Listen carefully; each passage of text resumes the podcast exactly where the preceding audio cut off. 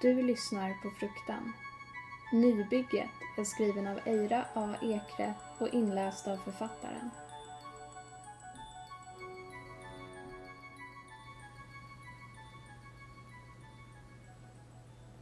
De har informerat kvarteret i förväg. Ombyggnationen av tunnlarna nått en ny fas. När sprängningarna skakar nejden fortsätter fotgängarna promenera som om ingenting har hänt. Föräldrar med barnvagn hyschar förvirrade barn. Hundägare sliter frustrerat i koppel. Det är inget att vara rädda för. De har blivit förvarnade. Mona överser arbetsplatsen. Ser hur istappar faller från radhusen när asfalten spricker upp. Hon inser inte att någonting har gått fel. Det är normalt att marken skakar lite. Hon oroar sig inte.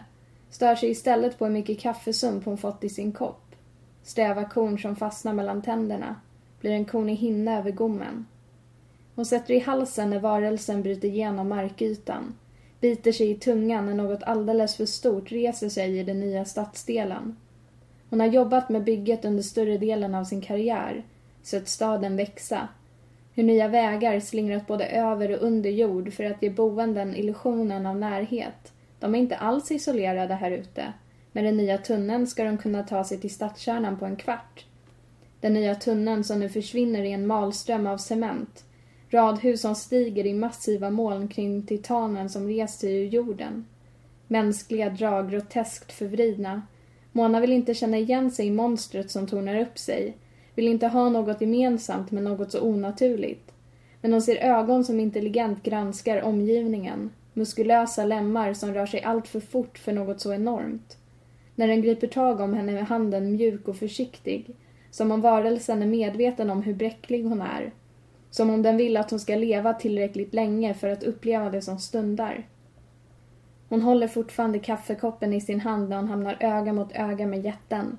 Förstår egentligen inte vad som händer. Känner vrede men kan inte skrika.